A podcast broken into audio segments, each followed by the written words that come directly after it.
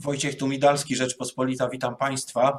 Adwokat Dominik Poręcki, wspólnik w kancelarii Janowski, Poręcki, Dąbrowska, Ignatiew jest dzisiaj naszym gościem. Witamy Panie mecenasie, dzień dobry. Dzień dobry Panie redaktorze, dzień dobry Państwu. Porozmawiamy o rozwiązaniach e, z tarczy antykryzysowej. Tarcza goni tarczę. Już w obiegu publicznym jest tarcza numer 4. Wkrótce zacznie obowiązywać, a jeszcze cofnijmy się do poprzednich rozwiązań, które zmieniły rzeczywistość na rynku pracy. E, jesteśmy wszyscy w pracy zdalnej, każdy, e, każdy kto tylko może, e, stosuje te rozwiązania. Tu pewnie będzie mnóstwo jeszcze pytań i wątpliwości, jak rozumieć czas pracy, jak rozumieć zakres, jakie są sytuacje z wypadkami przy pracy i co one oznaczają dla pracodawcy, co dla pracownika. Mnóstwo problemów, a my skupimy się na wątku e, do tej pory mało jeszcze rozpoznanym, jak się wydaje, mianowicie e, przepisy tarczy e, pozwalają niekiedy pracowników skoszarować. To się kojarzy z terminologią wojskową, a co w rzeczywistości oznacza, panie mecenasie? Rzeczywiście, przepisy już tarczy 1.0 wprowadziły możliwość tak zwanego skoszarowania pracowników. E, ustawa nie posługuje się sformułowaniem skoszarowanie, bo rzeczywiście, jak pan redaktor słusznie zauważył, e, skoszarowanie kojarzy nam się przede wszystkim ze służbami mundurowymi. Tylko w jednym miejscu w treści tego aktu prawnego pojawia się możliwość skoszarowania i odnosi się do, do policji, do uprawnienia, jakie ma w tym zakresie komendant e, główny policji. Natomiast całość rozwiązania, które jest przewidziane w przepisie artykułu, artykułu 15x, E, pozwala właśnie e, przyjąć coś na kształt tak zwanego skoszarowania e, pracowników. To skoszarowanie w swojej głównej idei sprowadza się do tego, że no, pracodawca ma jakby ciągły dostęp do, do pracownika, co nie oznacza, że ten pracownik ciągle czy przez cały czas wykonuje pracę, ponieważ i pracodawcę, i pracownika wiążą normy czasu pracy przewidziane E, przepisami prawa pracy. Natomiast całość regulacji, która jest przewidziana w tym e, artykule 15x, pokazuje, że e, tą pracę można w taki sposób ułożyć, plus zobowiązać pracownika do realizacji prawa do odpoczynku, że w całości da nam to właśnie ten system skoszarowany. Czyli pracodawca będzie miał pracownika pod stałą pieczą, tak w zakresie wykonywania pracy, jak i wykonywania przez niego odpoczynku, to pracodawca wskaże pracownikowi i miejsce, e, i czas, w którym ten e, odpoczynek będzie realizowany. No właśnie, e, jak się wydaje, jeśli wolno, szczególną nowością w tym wszystkim jest chyba wskazanie też miejsca wypoczynku, bo o ile no, czas pracy, czy to dzień, czy w nocy w różnych zakładach typu, nie wiem, kopalnie, czy inne prowadzące ciągłe zatrudnienie i, i, ciągle pracujące jest czymś normalnym, że można pracować na wiele zmian. Na stacji benzynowej można pracować e, całodobowo na wiele zmian, ale teraz idziemy krok dalej, bo wskazujemy również, jak rozumiem, e, gdzie pracownik ma wypoczywać, tak? Nie tylko tak, kiedy. No właśnie, no właśnie do tego sprowadza się istota e, tego systemu, w cudzysłowie cały czas skoszarowanego. E, że pracodawca wskazuje pracownikowi, gdzie ma to prawo do odpoczynku zrealizować. I on ma to zrealizować albo, jak wskazuje przepis, e, w miejscu pracy, w zakładzie pracy, gdzie pracodawca winien przygotować stosowne, e, stosowne miejsce do, do odbycia odpoczynku, czy też w innym miejscu poza zakładem pracy. Chodzi o to, krótko mówiąc, żeby pracownik nie oddalał się poza miejsce wskazane przez pracodawcę, nie odbywał, nie realizował swojego prawa do odpoczynku, na przykład w domu, jak robi to pewnie e, zazwyczaj. Panie mecenasie, jak to skonfrontować e, z zasadami znanymi choćby nawet z ustawy zasadniczej, gdy chodzi o swobodę przemieszczania się i e, wszelkie prawa i wolności obywatelskie, jakie możemy tutaj zestawić z tym przepisem, który, jak rozumiem, wprowadzamy na mocy ustawy, na, na mocy stanu epidemii, tak, rozporządzenia, rozporządzenia Rady Ministrów. No, no, no gdzie my jesteśmy tutaj? Mm, tak, tu, tutaj rzeczywiście e, to trzeba powiedzieć wyraźnie, że ten przepis e, bardzo głęboko wnika w sferę zarówno praw i obowiązków pracowniczych, ale też w sferę e, praw i wolności obywatelskich. No, pracownik przecież odbywa wypoczynek w miejscu wskazanym przez pracodawcę I może się pojawić pytanie, co w sytuacji, kiedy odmówi wykonywania tego wypoczynku na takich, a nie innych zasadach wskazanych przez pracodawcę. W mojej ocenie, ocenie będzie to równoznaczne z niewykonaniem polecenia służbowego przez pracownika ze wszystkimi tego konsekwencjami prawnymi. Także no, Nikt jeszcze nie pokusił się po to, żeby, żeby badać zgodność tego e, przepisu z ustawą zasadniczą.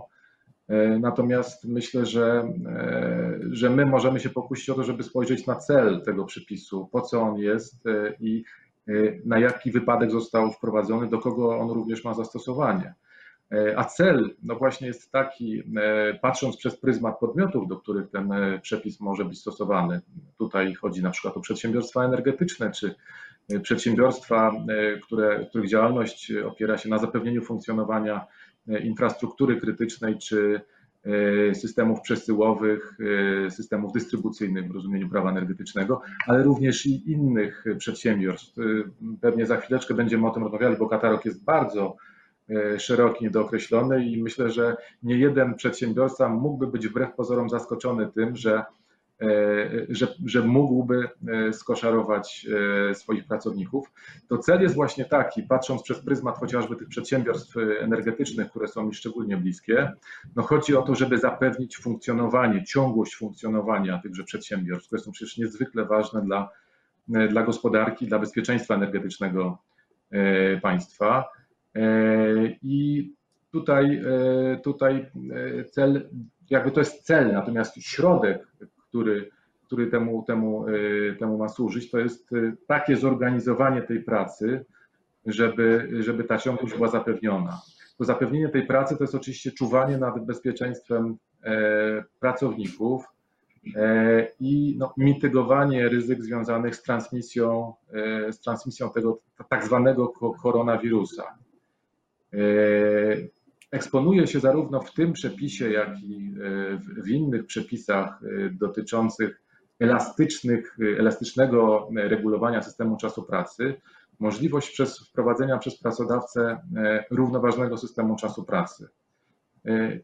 To jest rozwiązanie, mając na uwadze ten, ten cel i środek, czyli zapewnienie bezpieczeństwa pracowników, pracowników słuszny dlatego że przy równoważnym systemie czasu pracy można wydłużyć dobową normę czasu pracy do 12 godzin i w ten sposób e, zapewnić przy dwuzmianowym systemie czasu pracy, zapewnić ciągłość e, obsługi na przykład systemów przesyłowych.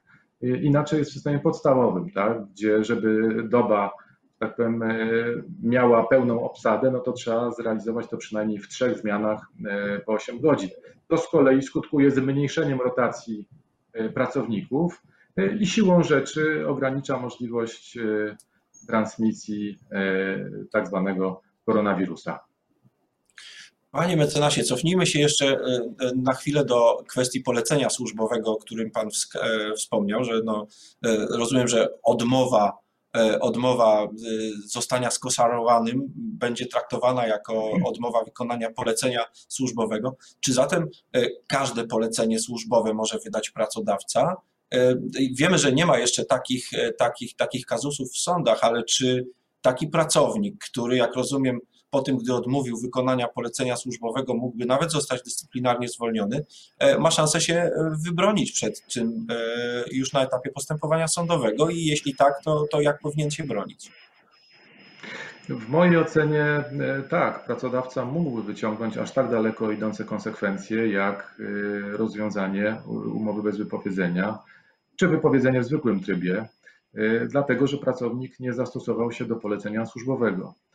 E, natomiast e, chciałbym zwrócić jeszcze, za, za chwilę odpowiem na dalszą część pytania, natomiast e, jest jeszcze jedna kwestia kluczowa, na którą należałoby zwrócić uwagę, to jest czas, na jaki pracodawca mógłby takiego pracownika skoszarować. Dlatego, że przepis nie mówi o tym wyraźnie, czy to będzie tydzień, czy dwa tygodnie, czy okres dłuższy. Teoretycznie ustawa daje taką możliwość, żeby skoszarować pracownika do ustania czasu e, epidemii, stanu epidemii.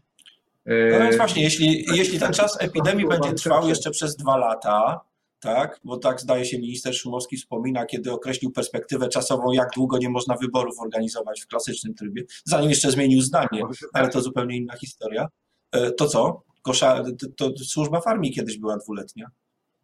E, powiem tak, no, z jednej strony musimy się odwoływać do racjonalności e, ustawodawcy, e, który coś w tym przepisie chce powiedzieć, ale z drugiej strony trzeba się odwołać do racjonalności pracodawcy.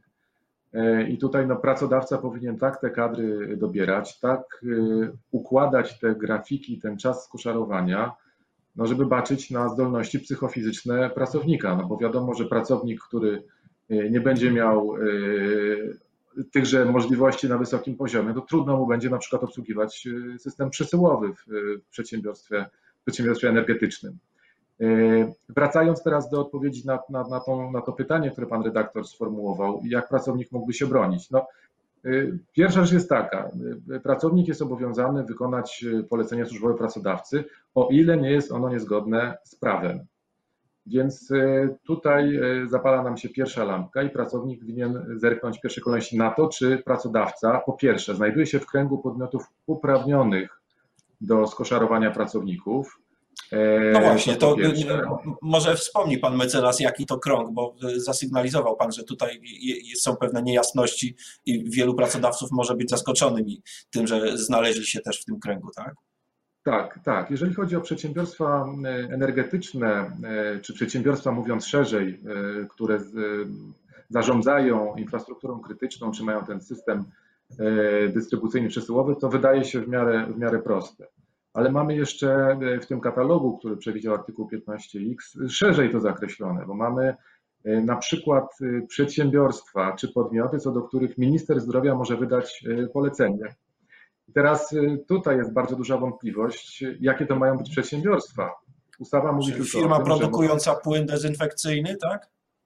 A czemu, czemu, czemu nie? Czemu nie, tak? Mhm. E, mowa jest tylko o osobach prawnych y, i innych podmiotach, y, jednostkach organizacyjnych, również o przedsiębiorcach.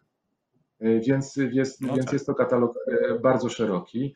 Mowa jest również o przedsiębiorstwach, które prowadzą stacje paliw, usługi bankowe, świadczą, czy w końcu o e, przedsiębiorstwach, które zatrudniają pracowników e, na obszarach lub terenach obiektów ważnych dla obronności interesu gospodarczego, bezpieczeństwa publicznego itd. Tak itd. Tak Także ten katalog wbrew pozorom jest naprawdę bardzo, bardzo szeroki. No i stwierdzamy, przedsiębiorca stwierdza, czy pracownik, że faktycznie jego firma E, e, może być uznana za taką, w której można było wprowadzić, można było wprowadzić e, taki koszarowy, koszarowy tryb życia. Tak? I co dalej? No i teraz patrzymy, czy wobec tego w przypadku na przykład przedsiębiorstw energetycznych służyć ma to zapewnienia ciągłości procesów, które dane przedsiębiorstwo wykonuje. Więc jeżeli, jeżeli to wszystko się mieści w granicach tego przepisu, w granicach prawa, no to, to, to, to rzeczywiście pracodawca ma uprawnienie, a pracownik winien się zastosować do takiego, do takiego polecenia służbowego. Jest jeszcze jedna rzecz, bo ten przepis jest bardzo mocno niedoregulowany. Jest wielu rzeczy nie wiemy, wielu rzeczy musimy się domyślać i stawiać też odważne tezy. Pytanie na przykład, co w sytuacji skoszarowania kobiet w ciąży albo matek karmiących, tak? No tutaj się pojawia tutaj się pojawia bardzo istotny problem. Ja no, nie wyobrażam sobie, żeby pracodawca tak dobierał kadry, żeby w inny sposób w przypadku matek karmiących czy kobiet w ciąży naruszać przepisy prawa pracy czy inne choroby, które, e, na, znaczy inne, mój Boże, źle powiedziałem, przecież ciąża to nie choroba. E, no, w każdym razie, czy jakaś choroba przewlekła pracownika, o której pracodawca może nawet nie wiedział, ale która nie kolidowała z wykonywaniem do tej pory obowiązków, mogłaby też stać na przeszkodzie?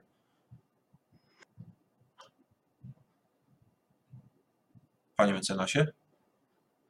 Panie mecenasie? Straciliśmy chyba łączność na chwilę. Niemniej nasz czas rozmowy już dobiega końca, tak więc musimy ją teraz zakończyć. Adwokat Dominik Poręcki, wspólnik kancelarii Janowski, Poręcki, Dąbrowska i Ignatiew był halo, naszym halo. gościem. Halo, halo. halo Panie mecenasie, żegnamy się już.